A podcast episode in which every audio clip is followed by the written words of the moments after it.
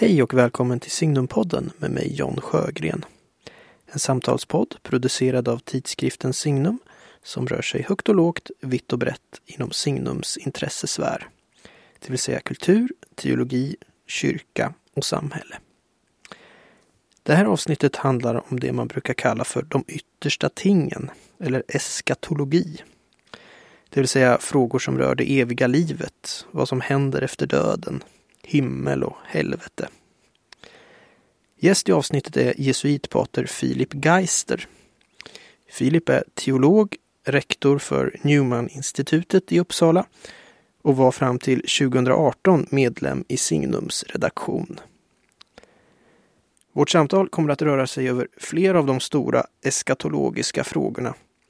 Men en röd tråd i samtalet är att eskatologin inte bara har med det kommande att göra, utan i allra högsta grad handlar om våra liv här och nu. Hoppas ni ska finna samtalet intressant.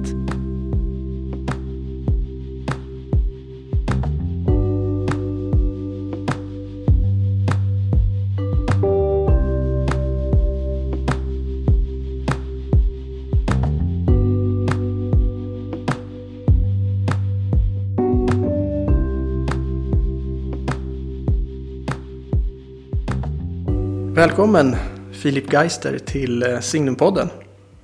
Tack. Eh, vi ska prata om eskatologi. Ett, eh, jag har märkt att jag bjuder in jesuiter när jag har sådana här riktiga stora svåra ämnen. och, och, nu är det ytterligare ett sånt här enormt ämne då.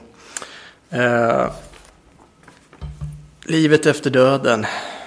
Himmel och helvete, allt det där. De yttersta tingen som man brukar säga. Du har ju sysslat en del med det här. Jag vet du skrev din avhandling. Eh, var det på 90-talet någon gång? Ja, 96 eh, disputerade jag. Precis. Eh, om eskatologin hos Karl Rahner. Mm. Hur, hur kom du in på de här frågorna? Varför, varför, varför, blev det just eskatologin och vad är det som har intresserat dig med? Alltså, vad gäller min, min avhandling kan man kanske säga att det finns två poler där det ena är ju att jag tycker att uh, Rana är en otroligt fascinerande uh, teolog som är så pass bredd och så öppen att uh, jag upplevde honom som ett värdigt föremål för en, för en avhandling. Mm. Men eskatologi är också frågor som alltid har intresserat mig. Alltså det låter lite makabert om man som ung teolog liksom intresserar sig för döden och som, det som kommer efteråt. Men jag tyckte eh, alltid att det var också delvis ett missförstånd att eskatologi handlar just inte bara om det som kommer efter dödens gräns utan det handlar egentligen om, um, om, om, om, om målet med hela mänskliga uh, resan. Och uh, ja, kanske på samma sätt som en resa, det handlar inte bara om att komma fram utan det handlar om vägen dit. Och uh, jag tyckte att det var inte riktigt någonting som pratades mycket om i de böckerna som jag hade läst om eskatologi och jag upplevde att det är någonting som jag med mitt teologiska arbete skulle kunna tillföra. Mm. Just det. Nej, för jag, det är bra att du säger det. För jag tänkte också lite på det när jag förberedde podden här. Lite hur ska vi ta oss an det här, de här jättestora frågorna. Så tänkte jag också att det kan vara bra att just ta avstamp i här och nu på något sätt. Mm. Eh, och jag har gått och funderat lite på det här den senaste tiden på eh, livet och döden. Vad är, vad är verkligen, vad, är, vad menar vi med det eviga livet och vad menar vi med döden? Eh, och jag har haft olika anledningar att tänka på det. Jag har läst eh, Oliver Knausgårds senaste roman Morgonstjärnan. Jag har skrivit en text till, till nästa signum om, om den. Och en grundtanke i den är att eh, alla är egentligen döda. Vi är ett slags levande döda. Mm. Eh, så, så jag hade den tanken med mig. Och sen så innan då jag förberedde mig här så läste jag Ratzingers bok om eskatologi som heter just eskatologi. Och då är han inne på en liknande tanke där som jag tycker är fascinerande. Eh, han skriver ungefär samma sak. Alltså att eh, av mycket av våra liv är ett slags skuggliv, är ett slags mm. död nästan. Eh, det kan låta eh, lite hårt sådär. Men, men om vi reflekterar kring det så är det ju ofta så. Alltså att det här när vi ver verkligen känner oss levande. Det här genuina, äkta livet. När, när vi känner liksom att vi är i verklig kontakt med Gud så att säga. Och, och, och lever i någon slags kärlek. Det är väldigt få sådana ögonblick. Mm. Och det är i de ögonblicken egentligen då vi på något sätt upptäcker att oj, vi är ju egentligen nästan döda. Vi går mm. omkring här nästan som döda. Eh, och, men de där små liksom, ögonblicken som kan öppna sig ibland. Och det där tror jag alla känner igen. Alltså mm. de här liksom, nådefulla ögonblicken då, då det, det som att vi plötsligt förstår vad livet går ut på. Då är vi i kontakt med det eviga livet. Det mm. är det eviga livet. Så det finns liksom här och nu. För det är så lätt att tänka sig att det eviga livet det är någonting eh, liksom vid tidens slut. Det är någonting bortom. Det är någonting som kommer sen. Men egentligen här död och liv. Det är någonting som vi upplever ganska nästan vardagligt. Mm. Eh, kan ha den här känslan av att helt plötsligt förstår vi vad det eviga livet är. Och han skriver väldigt fint Ratzinger någonstans att Ja, vad menar vi då med det eviga livet? Det kan ju inte vara en, en liksom fortlevnad utav det här vår fysiska existens bara, för den är ju nästan som en död ofta. Utan det måste ju vara det här som ibland öppnar sig när vi är i kontakt med kärleken, med, med Gud. Det måste vara det eviga livet. Mm. Och då finns det i tiden, evigheten på något sätt finns redan närvarande i tiden. Ja. Och då blir det plötsligt inte så abstrakt längre, eller så fjärran, utan det är någonting här och nu. Ja, ja jag, håller, jag håller helt med dig. Vi kan anknyta till det som du började med, alltså dessa ögonblick eller dessa erfarenheter i livet, om det var verkligt, var overkligt. Man, man kan ju också ha det när man vaknar eller när man drömmer, att man tror att det är absolut um, verkligt och sen vaknar man till ett annat tillstånd och kan en halv sekund i övergången undra vilket är nu det, det äkta livet. Mm. Och, och kanske um, hela vårt, vårt liv ett, um, ett, ett, ett sökande, ett, ett jagande efter uh, dessa ögonblick som du beskriver av autenticitet, av, mm. um, av det äkta livet.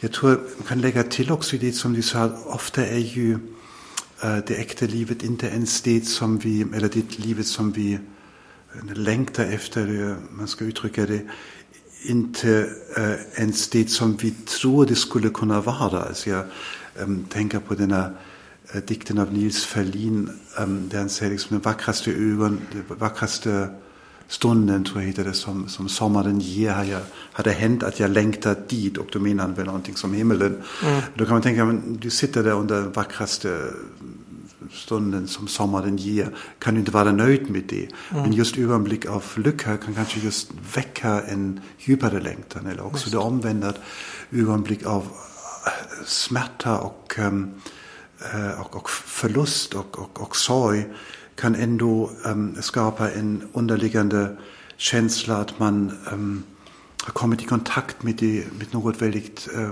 ursprungligt och, mm. och, uh, och, kanske också livgivande rent av. Och uh, att, att man um, då är mera i kontakt med det eviga än i sådana ögonblick där man tänker nu stämmer allt, man, man känner sig till det yttre lycklig men det är ändå kanske någonting som fattas. Mm. Så jag tror det är liksom väldigt, väldigt komplext. Jag, jag brukar alltid äh, i min kurs om eskatologi säga att egentligen ordet eskatologi redan har äh, tre äh, dimensioner. Det yttersta, alltså det är ju inte bara det som kommer i slutet som man kan tänka när man pratar om eskatologi som en vetenskap om vad som kommer efter döden. Utan det yttersta är också ett, ett mål, en målbeskrivning, alltså var, var, vart är jag på väg? Men det är också um, en, det som allt går ut på, alltså det som man kanske redan vilar på, alltså det det viktigaste. Alltså mm. Egentligen är eskatologi kanske teologi, inget mer. Att vi pratar Nej. om det som är det viktigaste, nämligen om, om Gud som grunden och målet av det mänskliga livet. Och eh, inte bara en framtidsvetenskap som berättar för oss om, um, om ting som vi tror att de kommer att, att, att hända med oss eh, efter döden och som är helt okända för oss nu på den här mm. sidan döden. Ja, just det. Nej, precis. För att, eh, på ett sätt tänker jag att man lätt hamnar lite vilse om man tänker för mycket i tidsaspekter. Ja. Här. Och, och, och det är det du är inne på här och, och som också jag var inne på här inledningsvis. Just att, att det är mer tänka här och nu på något sätt. Eh, sen, är, sen finns ju det här då, alltså om man säger det här som eh, om det här är det eviga livet, de här som upplever i de här ögonblicken, är det också då det som Jesus kallar Guds rike? Mm. Eh, och på något sätt säger vi ju där att det är på samma gång någonting, Jesus säger ju tydligt där, det är redan, Guds rike är här så att säga. Mm. Men vi tänker att det också är, det är den här dubbla aspekten att det är något som redan finns och något som ännu inte har kommit. Mm. Och den där spänningen är ju intressant. Ja, absolut. Och jag tror det, det, det lite roliga är ju om vi pratar om de yttersta tingen som något rent framtida. Att vi har ju som kristna inte ens Bibeln med oss i detta, utan Bibeln är ju äh, förbluffande radikal i att betona äh, vi genom äh, dopet eller genom tron på Kristus redan har gått över den här gränsen som mm. vi normalt upplever som, som dödens gräns. Ja. Jag, jag tycker det är väldigt ähm, talande särskilt i Johannesevangeliet, där alla dessa så kallade yttersta ting äh, för, för författarna av Johannesevangeliet ligger i det förflutna. Ja, vi är redan dömda. Vi dömde oss själva när vi kom till tron. Äh, vi äh, har redan uppstått till det nya livet på påskdagen. Då är äh, läsningen, andra läsning ur Kolosserbrevet, där vi säger ni har redan uppstått med Kristus och lever med honom mm. i himlen. Mm. Och man, man hör ju inte dessa texter så medvetet, men om man skulle tänka, men vad har jag sagt just nu? Alltså jag har redan uppstått och jag lever i himlen. Man kanske inte upplever sitt liv äh, dagligen på, på just det sättet. Men det är en aspekt av den kristna tron. Mm. Och det hänger ihop med det som du sa, alltså att det äh, egentligen vill tron sätta oss i en position att vi säger vi, vi är redan i himlen, vi har redan liksom kontakt med, ähm, med, med Gud, med den heliga ande, med, de, med helgonen. Vi är liksom del av en verklighet som inte kommer att bli radikalt nytt när vi kommer dit. Eh, utan vi lever redan i den, i tron. Och sen finns liksom detta sista, mm, kanske inte helt och hållet, alltså det fattas någonting. Mm. Uh, och, och det är detta icke än, inte än. Uh, men, men om man glömmer bort att man redan är där, då, då har man också missat en viktig poäng med, med den kristna tron. Mm, verkligen. Jag, jag tänker ofta att eh, ett ord som deltagande är en slags nyckel i, i krist, för att förstå kristendomen. Ja. Alltså att vi har blivit indragna. Vad, vad, det som sker i inkarnationen och så, det är att vi blir indragna i Guds eget inre liv. så att säga. In i det treeniga livet. Och att vi så att säga redan, ja, men precis det du sa, vi är redan förenade med Gud. Eh, vi har genom dopet redan dött och, ja. och uppstått med, med Kristus. Så det här, ja, just, just det lilla ordet deltagande ja. tänker jag ofta är en slags nyckel till att förstå att Eh, tycker det är väldigt viktigt. Mm.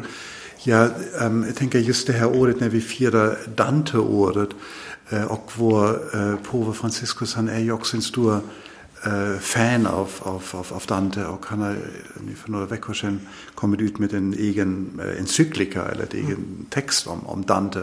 Den just lyfter fram i äh, denna Divina Commedia Eh, som är egentligen en slags grundbok i eskatologi. Mm. Jag tycker just den aspekt som du nämnde, den här delaktighet, alltså att vi är um, på, en, på en vandring där Gud går med oss genom livets alla uh, utmaningar och vill egentligen leda oss till en, den ultimata befrielsen, mm. ja, som vi då kallar för, för himlen.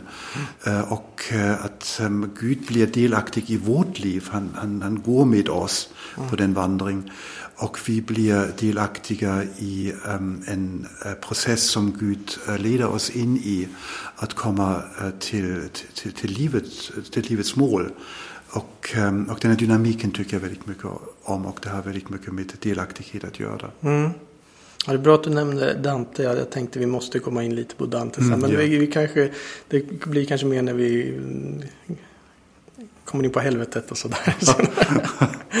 Eh, nej, men han är ju en genial gestaltare utav eh, mm. många saker. Eh, nej, men jag tänker precis, för det här, om vi återgår till det här Guds rike som på samma gång är realiserat på ett sak. Det är här och nu, men det ska också komma.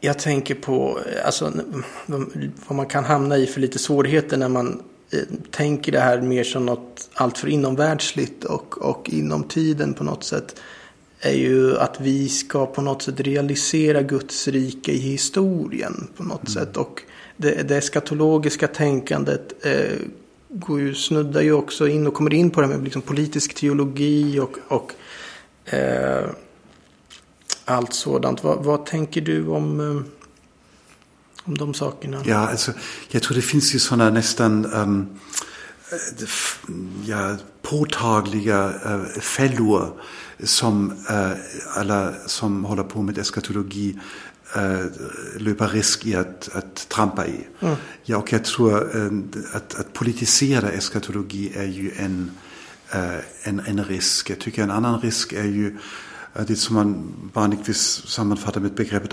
apokalyptik. Alltså om man inte det finns ingen utväg, det är, det är slut på mitt personliga liv eller på um, den historiska utveckling. Att man vill ta ett extra steg för att åstadkomma den katastrofen som man är rädd för. Ja, alltså om, om det finns inget hopp, eller då skapar vi en institution att allt brakar ihop och att Gud har en chans att komma in. Det är en överhängande risk tycker jag för alla som tänker i de, de um, de, de banade en slags um, teologisk quick fix, ja, att, mm. att, att, lösa en problematik. Och jag tror politisk teologi, tre, tredje riket är ett, um, ett eskatologiskt begrepp i viss mån. Ja, alltså att, mm. uh, att vi politiskt kan inleda ett tillstånd som skapar allt detta som är um, attribut av Guds rike. Ja, och, och det, man kan ju bara komma förbi det om man hela tiden komma ihåg att Guds rike just är vad det säger att det är. Nämligen att Gud skapar detta rike, att människor inte kan skapa det. Mm. Utan att vi inte ens kan Ah, vi kan, vi kan, vi kan, det bara fin, finns det. Vi kan, som du började med, egentligen bara lägga märke till när det plötsligt uppstår och så försvinner det igen. Mm. Men vi kan egentligen inte ens genom våra ansträngningar göra någonting för att, för att bygga det. Jag tror det kan man verkligen inte betona tillräckligt mycket. Därför annars hamnar man i sådana självfrälsnings, ähm, äh, sån självfrälsningstänkande. Och jag tror att det går alltid, alltid snett. Mm. Jag tycker också man måste lägga till, alltså om man tänker på den teologiska utvecklingen av begreppet äh, Guds rike, så är det ju redan för, för Origenes så att han säger, Jesus pratar om Guds rike, men så fort som äh, alltså efter Jesus har dött och uppstått, då börjar ju äh, människorna förstå att det som Jesus pratade om, det var inte ett abstrakt tillstånd utan det var hans närvaro bland människor. Det var liksom den heliga andes närvaro bland människor. Mm. Så egentligen talade Jesus om sig själv och hans hemlighetsfulla närvaro. Och äh, det måste man ha i åtanke tycker jag om man pratar om Guds rike idag. Alltså Guds rike det är mm. äh, sakramentalt förmedlat i kyrkan eller i sakramenten. Det är denna verklighet som du har, låt oss säga i, i, i um, sakramentet, i eukaristin eller i dopet. Du ser vatten men du ser med trons ögon uh, alltså syndaforlåtelse eller du ser bröd men i trons ögon ser du Kristi kropp och så vidare. Alltså mm. denna, vad ser jag och vad ser jag bara i tron? Det är en väldigt viktig aspekt um, av begreppet Guds rike just som en immunisering mot en politisering. Jag mm. tror att så fort som man ser någonting som är så Guds rike, här, liksom, här lever vi perfekt som mm. Jesus ville det. Då tror jag att man som kristen ska bli väldigt, väldigt tveksam och väldigt nervös. Mm. Eftersom det är säkert något annat, det är säkert en form av missbruk. Mm. Men jag håller, jag håller ju helt med om det. Verkligen, alltså de, när man har sett att man politiserar det här eller man har försökt att skapa någon slags gudsrike på jorden så har man när de försöken har gjorts som de har varit mer hö högerideologiskt drivna eller vänsterideologiskt drivna så har man istället skapat helvetet på jorden. Ja, exakt. Eh, så, så det kan vi ju se som ett historiskt faktum. Samtidigt tänker jag att det är finns någon balansgång här att gå för att om man vill tolka det vi säger här något illvilligt då kan man tänka sig jaha men då kan vi då ska man som kristen helt dra sig tillbaks från världen då alltså eh, och det är ju inte vad, vad kyrkan lär heller och det är ju mm. inte vad, vad, man kan få ut från Jesu lära heller alltså utan det eh, kallar oss ju ändå att vara aktiva i samhället och försöka bygga ett så gott samhälle som vi bara kan. Och jag menar, kyrkan har hela sin sociala ära och så vidare. Eh, men hur håller man den här balansen? Liksom de här, det, det, mm. det är på något sätt två tankar man måste ha i huvudet samtidigt. Jag tycker det finns en intressant reflektion återigen hos eh, Josef Ratzinger när han leker lite med orden eh, produktion och bära frukt. Alltså bära frukt är ju ett Johannes begrepp för att uttrycka hur Gud handlar. Han, eh, Gud bär frukt genom, alltså vi bär frukt genom, genom Guds agerande genom människor. Och Ratzinger sätter det i kontrast till produktion. Alltså produktion är verkligen, du kontrollerar alla steg i någonting. Mm, och sen kan du få en viss output um, och producera då ett visst antal föremål eller, eller så. Men att bära frukt är alltid, ja som hittar i Markus evangeliet och han, vet, han går och lägger sig och han vet inte riktigt hur. Han vet inte riktigt hur det blir något gott. Och jag tror att allt, um, all produktivitet, om man nu ska använda begreppet ändå, i det kristna livet är på planet att bära frukt. Man gör mm. sitt, man, uh, man följer Jesu ord uh, och man vet inte riktigt vad som händer av det. Man vaknar och man lägger sig och det växer i bästa fall, ibland växer det inte. Men det finns ingen direkt kontroll av det som sker.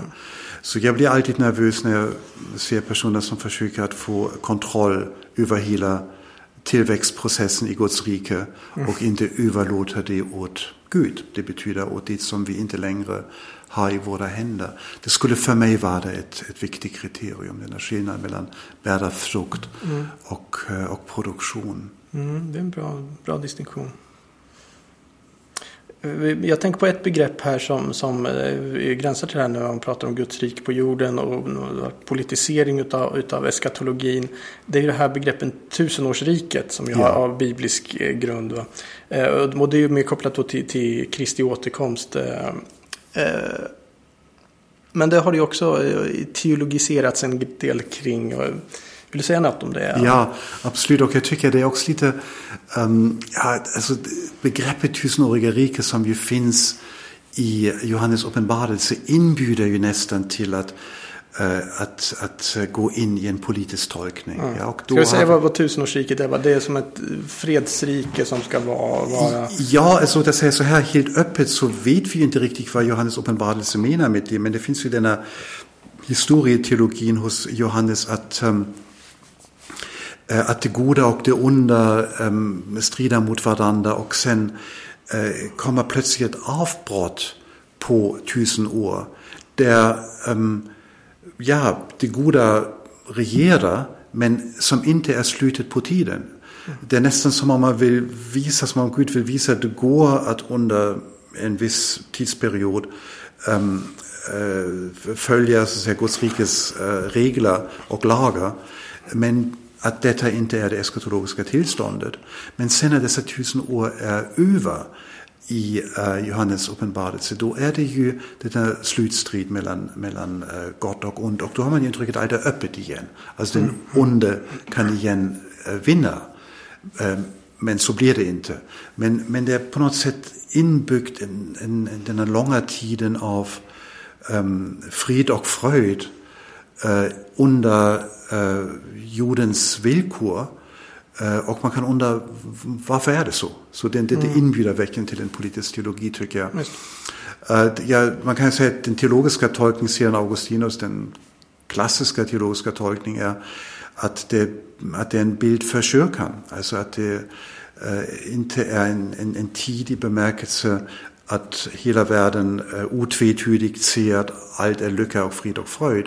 Mm. Utan det finns en, ett parallellt spår av, av, av, av, av tolkning. Det som andra Vatikankonciliet sen utvecklar lite mer som den här parallelliteten mellan frälsningshistoria och sekulärhistoria. Alltså vi har liksom en sekulärhistoria som bara rullar på och det är det som finns i ja, så att säga, historieböcker.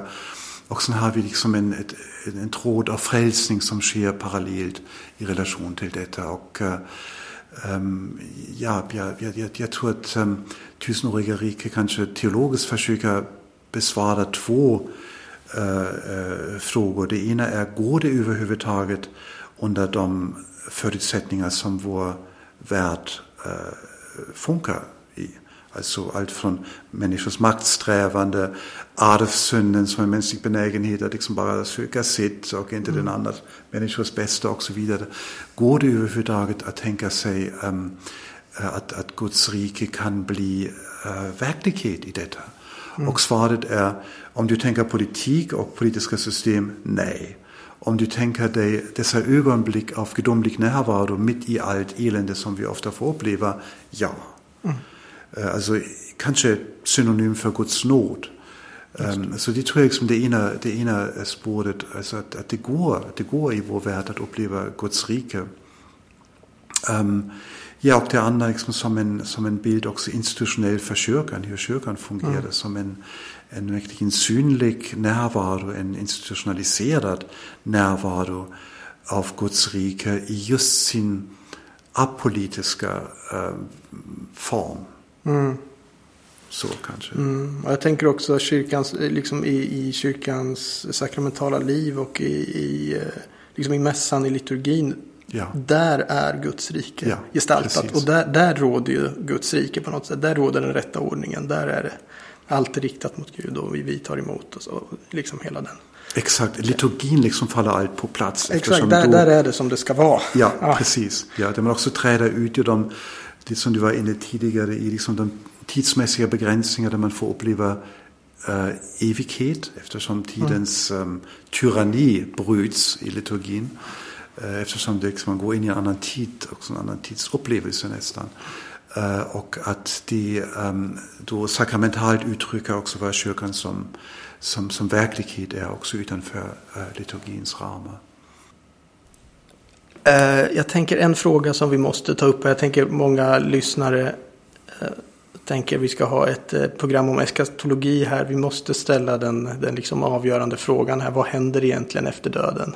Mm. vad, vad är det egentligen vi kristna hoppas på? Mm. Hur ser det kristna hoppet ut vad gäller eh, livet efter döden? Mm.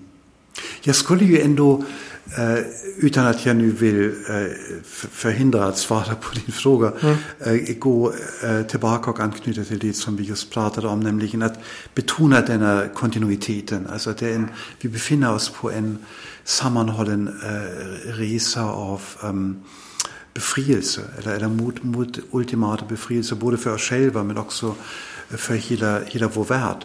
Mm. Och att um, jag tolkar Nya Testamentet så att, att det försöker tona ner det som vi mm, kanske är så rädda för, liksom den dagen, den stunden när jag kommer att dö liksom som vi upplever som det ultimata brottet.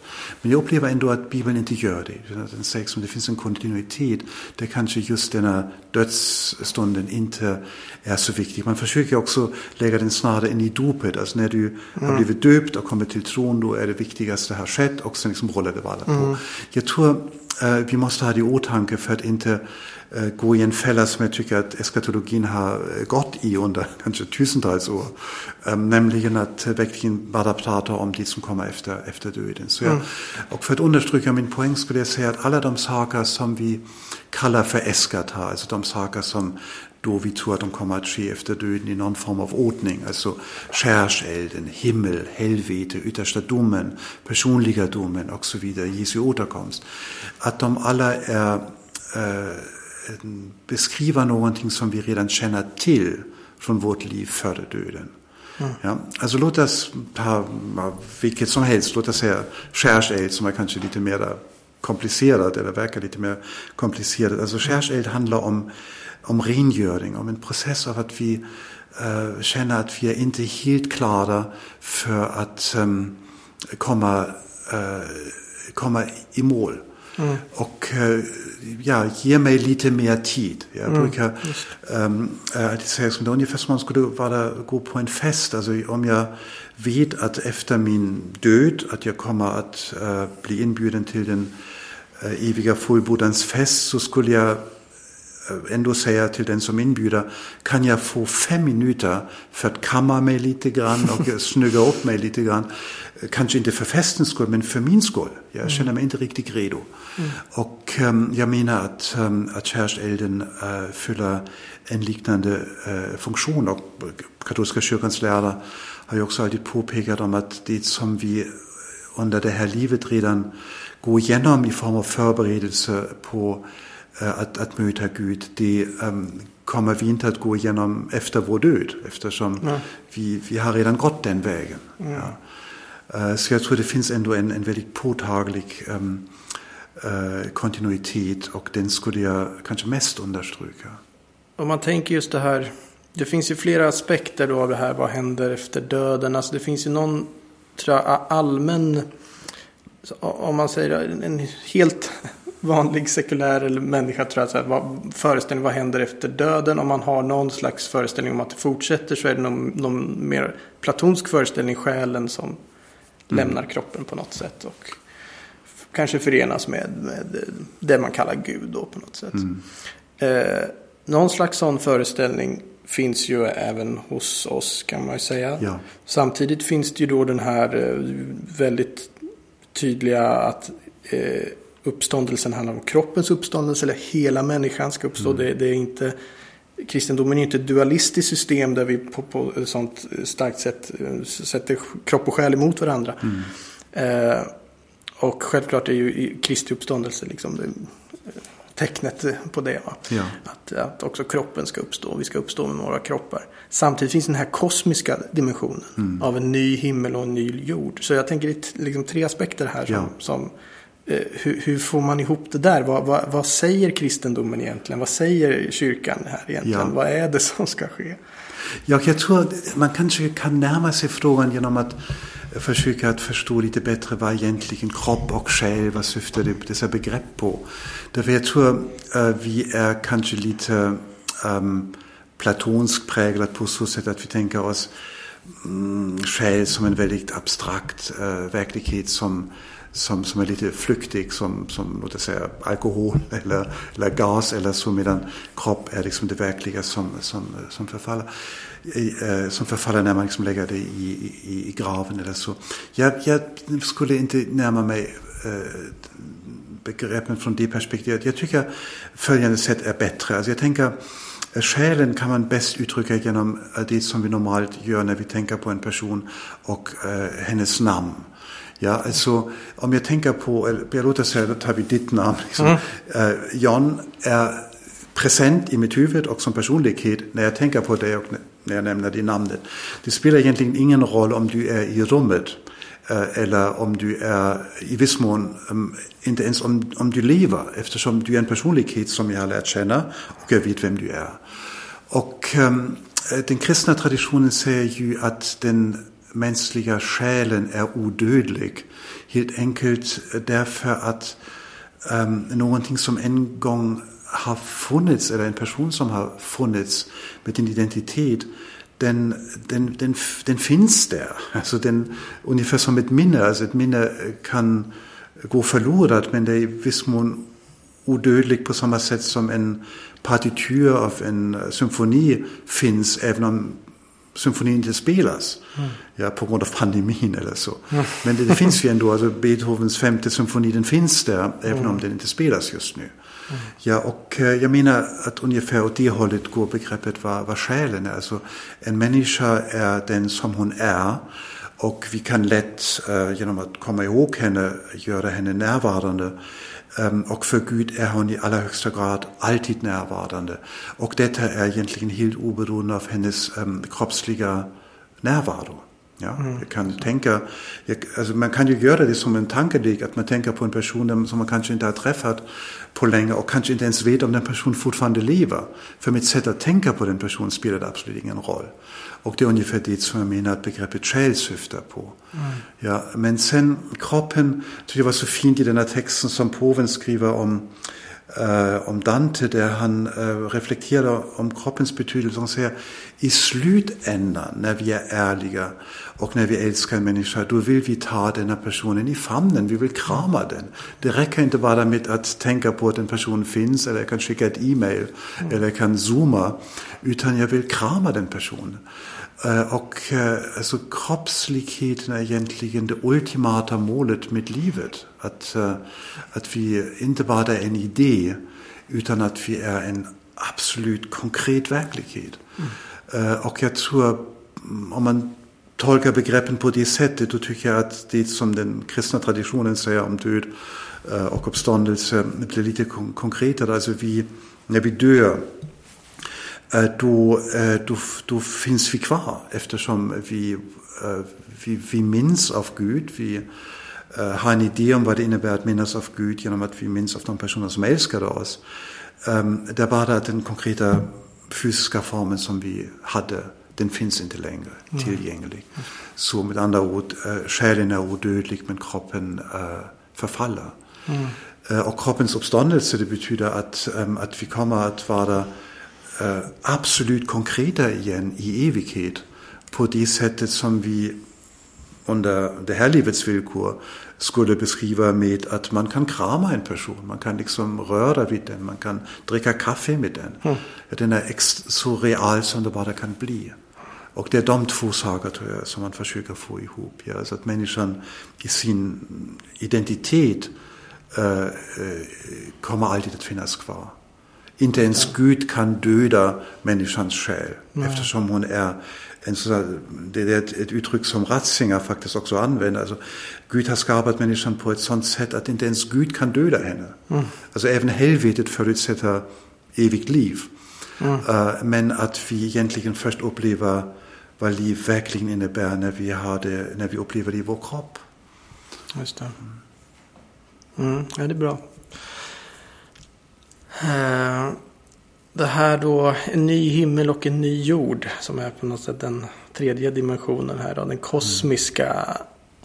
frälsningen eller vad ska jag säga. Ja. Inte bara den individuella själen, inte bara vår kropp eller hela vårt jag utan att hela kosmos på något sätt ska omgestaltas. Eller? Mm. Hur ska vi tänka kring det? Ja, alltså först, man kan ju återigen gå tillbaka till, till kroppen och kroppen är ju, kan man ju också beskriva som en slags um, beröringspunkt mellan uh, den individuella, alltså mellan människan och, och, och världen i största allmänhet. Alltså man lever inte bara i sin kropp utan den är ju det som gör att jag överhuvudtaget finns till i, i vår kosmos. Och jag tror det är kanske någonting man ofta äh, äh, glömmer, glömmer bort att äh, den individuella identiteten i det som vi kallar för själ den kosmiska verkligheten äh, förmedlad genom kroppen är absolut ihopbundna. De går inte att, att skilja. Vi, vi gör våra erfarenheter i relation till föremål, till omgivning och så vidare.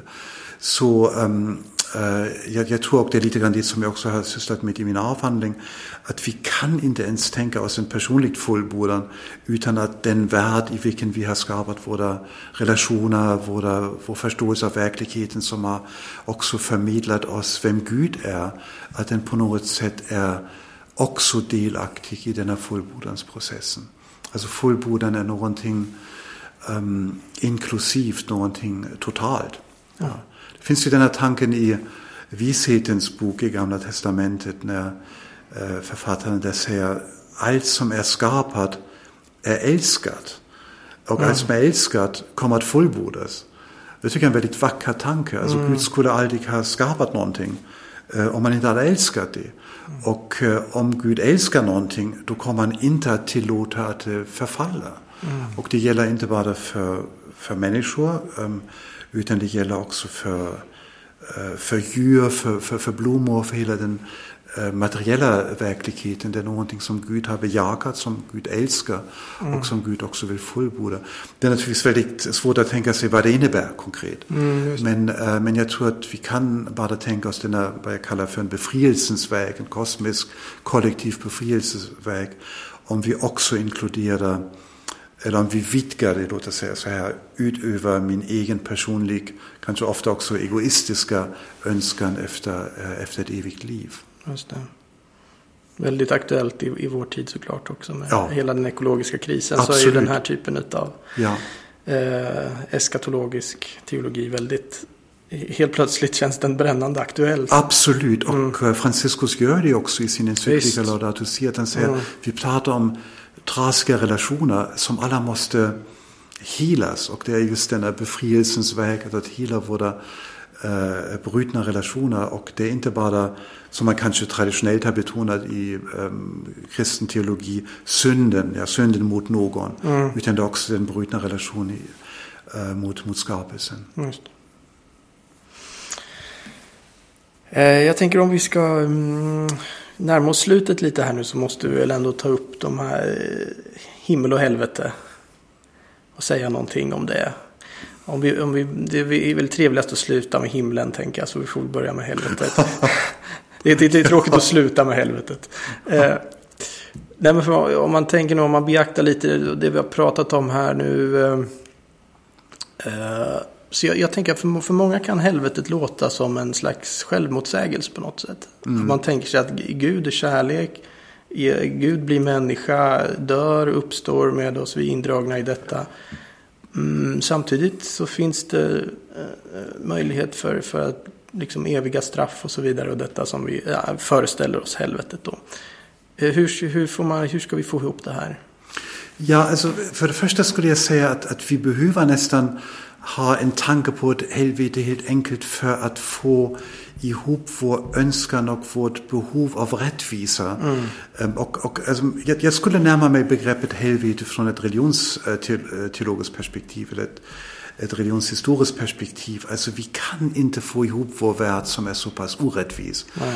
Utan att um, ha en Immanuel Kant skulle säga en, ett postulat om ett helvete, alltså en något tillstånd där rättvisa återställs. Mm. Ja, de som hade det illa ähm, här, att de får det bättre äh, efter döden och, och omvänt. Ja, så, ja, jag, jag tror det är en, en viktig aspekt. Och ähm, äh, om Gud är rättvis, då måste vi tänka någonting åt det, åt det hållet. Ja. Mm.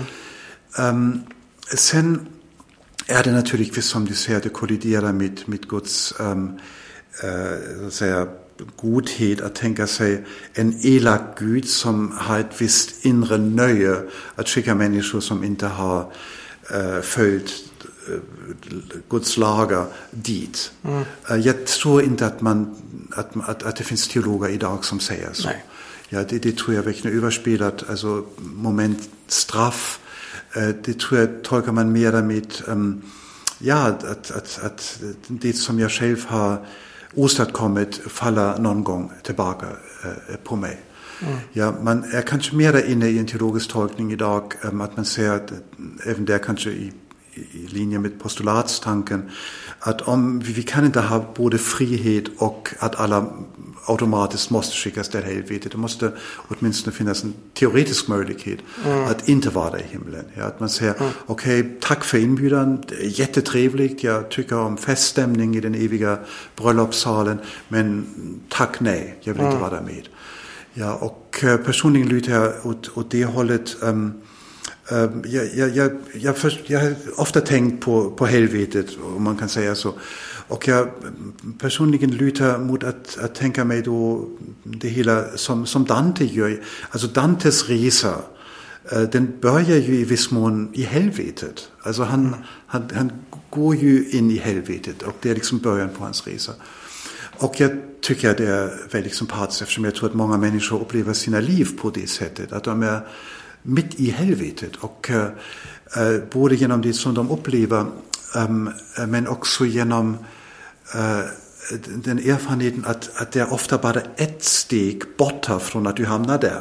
Ja, mm. du, äh, genom dina egna handlingar eller genom andra människors försummelser eller genom ähm, vad vet jag vad, har möjligheten att, att, att ta dig dit. Och jag tror att det är egentligen precis så som den kristna traditionen um, och, och inte minst uh, Jesus i sin förkunnelse pratar om helvetet. Han säger, du har haft tur än så länge, men det är bara ofta en meter mellan dig och avgrunden. Mm. Ja, när, när, Dante går genom alla dessa olika um, typer som man ju alla kände och hur människor har förstört sina egna liv, har förstört för andra, har genom små felbedömningar, felaktiga beslut äh, ställt till bokstavligen ett helvete för sig själva. Mm. Och att man kan tänka sig, jag kunde ha gjort det också. Det mm. fattades ofta bara några centimeter för att uh, göra det felsteg som behövs för att hamna där. Mm. Um, för mig är detta den uh, kristna läran om, om helvetet. Mm.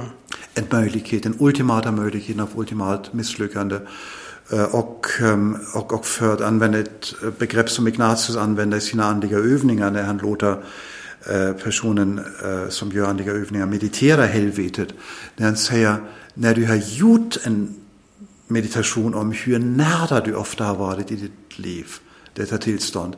Då ta ett steg tillbaka, andas ut och säg Wow, I made it. Jag jag har, jag har klarat mig än så länge. Mm.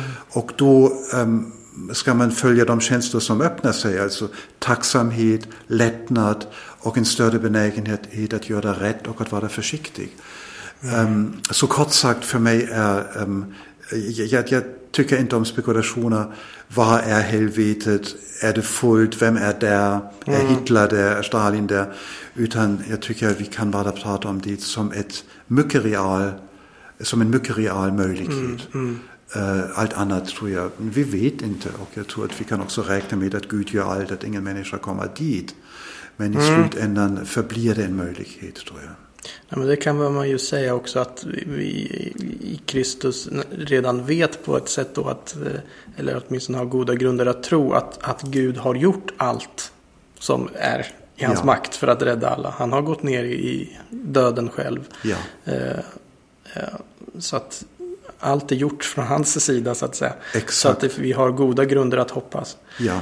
Jag tror det är väldigt viktigt som du säger, för att jag tror Eh, det som jag ibland kan bli väldigt ledsen över i sådana eskatologiböcker, att man har intrycket att det är en slags 50-50 chans att komma ja, till helvetet. Ja? Alltså vi lever våra liv och i slutändan finns det en slags slutavräkning och så kollar man, har du mer än 50 procent goda gärningar om det inte räcker ner till helvetet. Men det är absolut inte det bibliska budskapet. Nej, men då är det ju mer, då, då är man nästan inne på någon slags karma-tanke. Ja. Och det är inte eh, Bibelns nådebudskap som är något helt annat. Absolut inte. Men däremot så avskaffas ju aldrig friheten. Nej. Alltså så att, precis det du är inne på. Vi ja. kan säga nej. Ja. Eh, jag brukar tänka på att helvetet är, är liksom en nödvändig utgång av två mer, ännu mer grundläggande eh, trosatser. Att att Gud är kärlek och att människan är fri.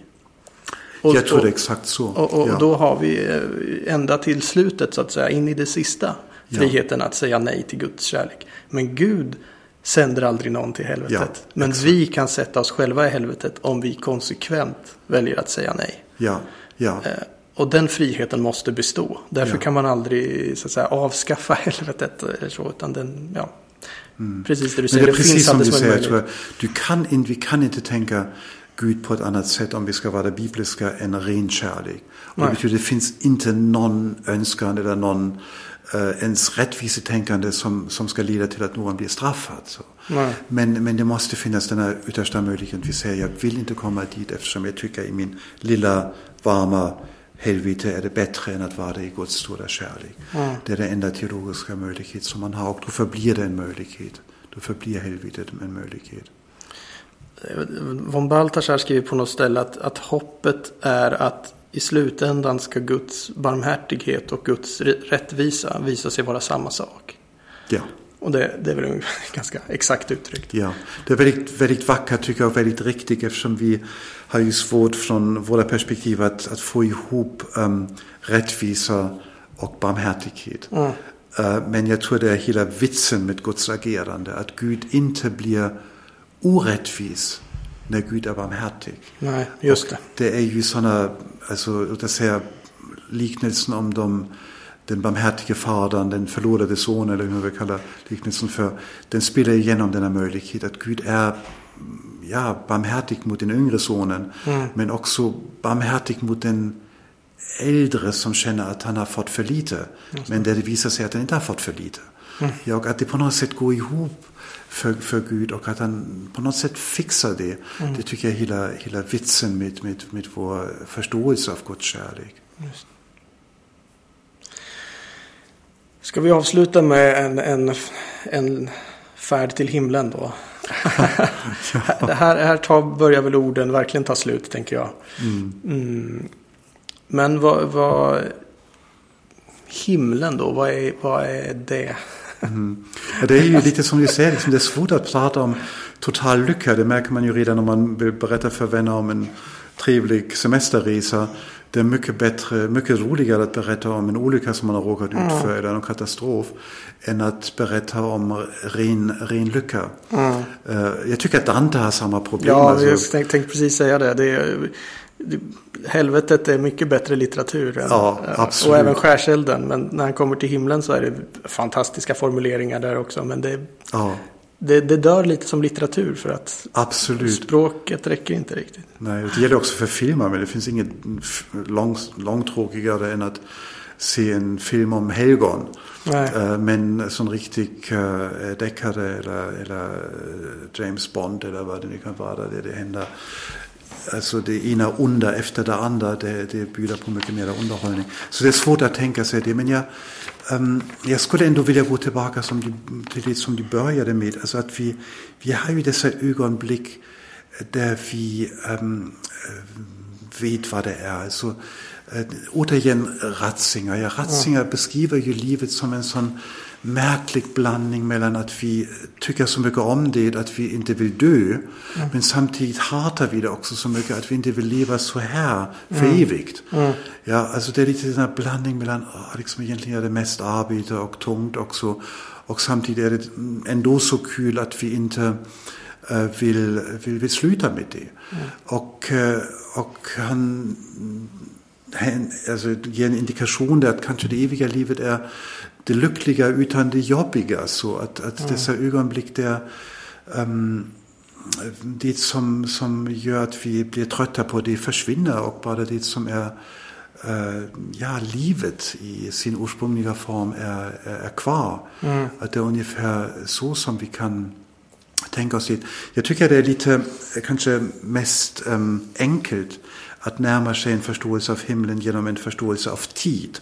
Ja, mm. därför jag tycker um, evighet i himlen uh, skulle vara en absolut mardröm om vi skulle tänka oss att liksom sitta på ett moln i flera tusen år och sjunga kanske alltid på samma melodi, halleluja, utan förändring. Det, skulle det vara, låter skittråkigt. Ja, precis. Och, och mer än det, alltså man skulle ju söka efter sätt att, att ta livet av sig då i himlen. Uh, men um, alltså en erfarenhet av lycklig tid är ju en erfarenhet där tiden i viss mån försvinner. Alltså där dess begränsningar försvinner. Mm. tycker jag det bästa exemplet för mig är äh, musik eftersom mm. musiken förutsätter tid. Annars skulle det inte finnas musik eftersom den är, den är strukturerad av tid. Um, men samtidigt, man går in i den, då, då upphävs dess begränsningar. Och motsatsen är att vänta en novembernatt på sista bussen i um, snöblandat regn och bussen är 20 minuter försenad och då blir varje minut till ja, bokstavligen ett, ett helvete. Mm. Och um, att, uh, att himlen är liksom det, det förstnämnda, alltså en, en mm. dynamik som är befriad av de begränsningar under vilka vi normalt upplever uh, himmelska tillstånd i, uh, i, i det här livet. Och att det är ett tillstånd som inte är hotat av förändring, av um, uh, andra inflytanden som, som vi hela tiden har med i huvudet som, som kan avbryta vad vi, mm. vad vi, vad vi är med, med om liksom, positivt. Uh, och att det ger oss en liten försmak för det som menas med himlen. Just det. Jag har ett citat här från, från Ratzingers bok. Han, han skriver så här att himlen är den definitiva fullbordan av människans existens. som kommer till stånd genom den perfekta kärlek som tron siktar mot. En sådan uppfyllelse eller fullbordan är för en kristen inte något som ligger i framtiden. Snarare är det den rena beskrivningen av vad som sker i mötet med Kristus. Det, det är jättevackert eftersom det tar oss också igen tillbaka till denna um, enhetliga bilden av eskatologi. Det är inte bara någon i framtiden utan det är det som sker i trons möte med Kristus. Då kanske vi låter det avrunda vårt samtal här. Eh, tack så hemskt mycket Filip Geister för att du gästade Signumpodden. Tack själv. Och eh, tack alla ni som har lyssnat och lyssna gärna på oss igen i nästa avsnitt. Hej så länge.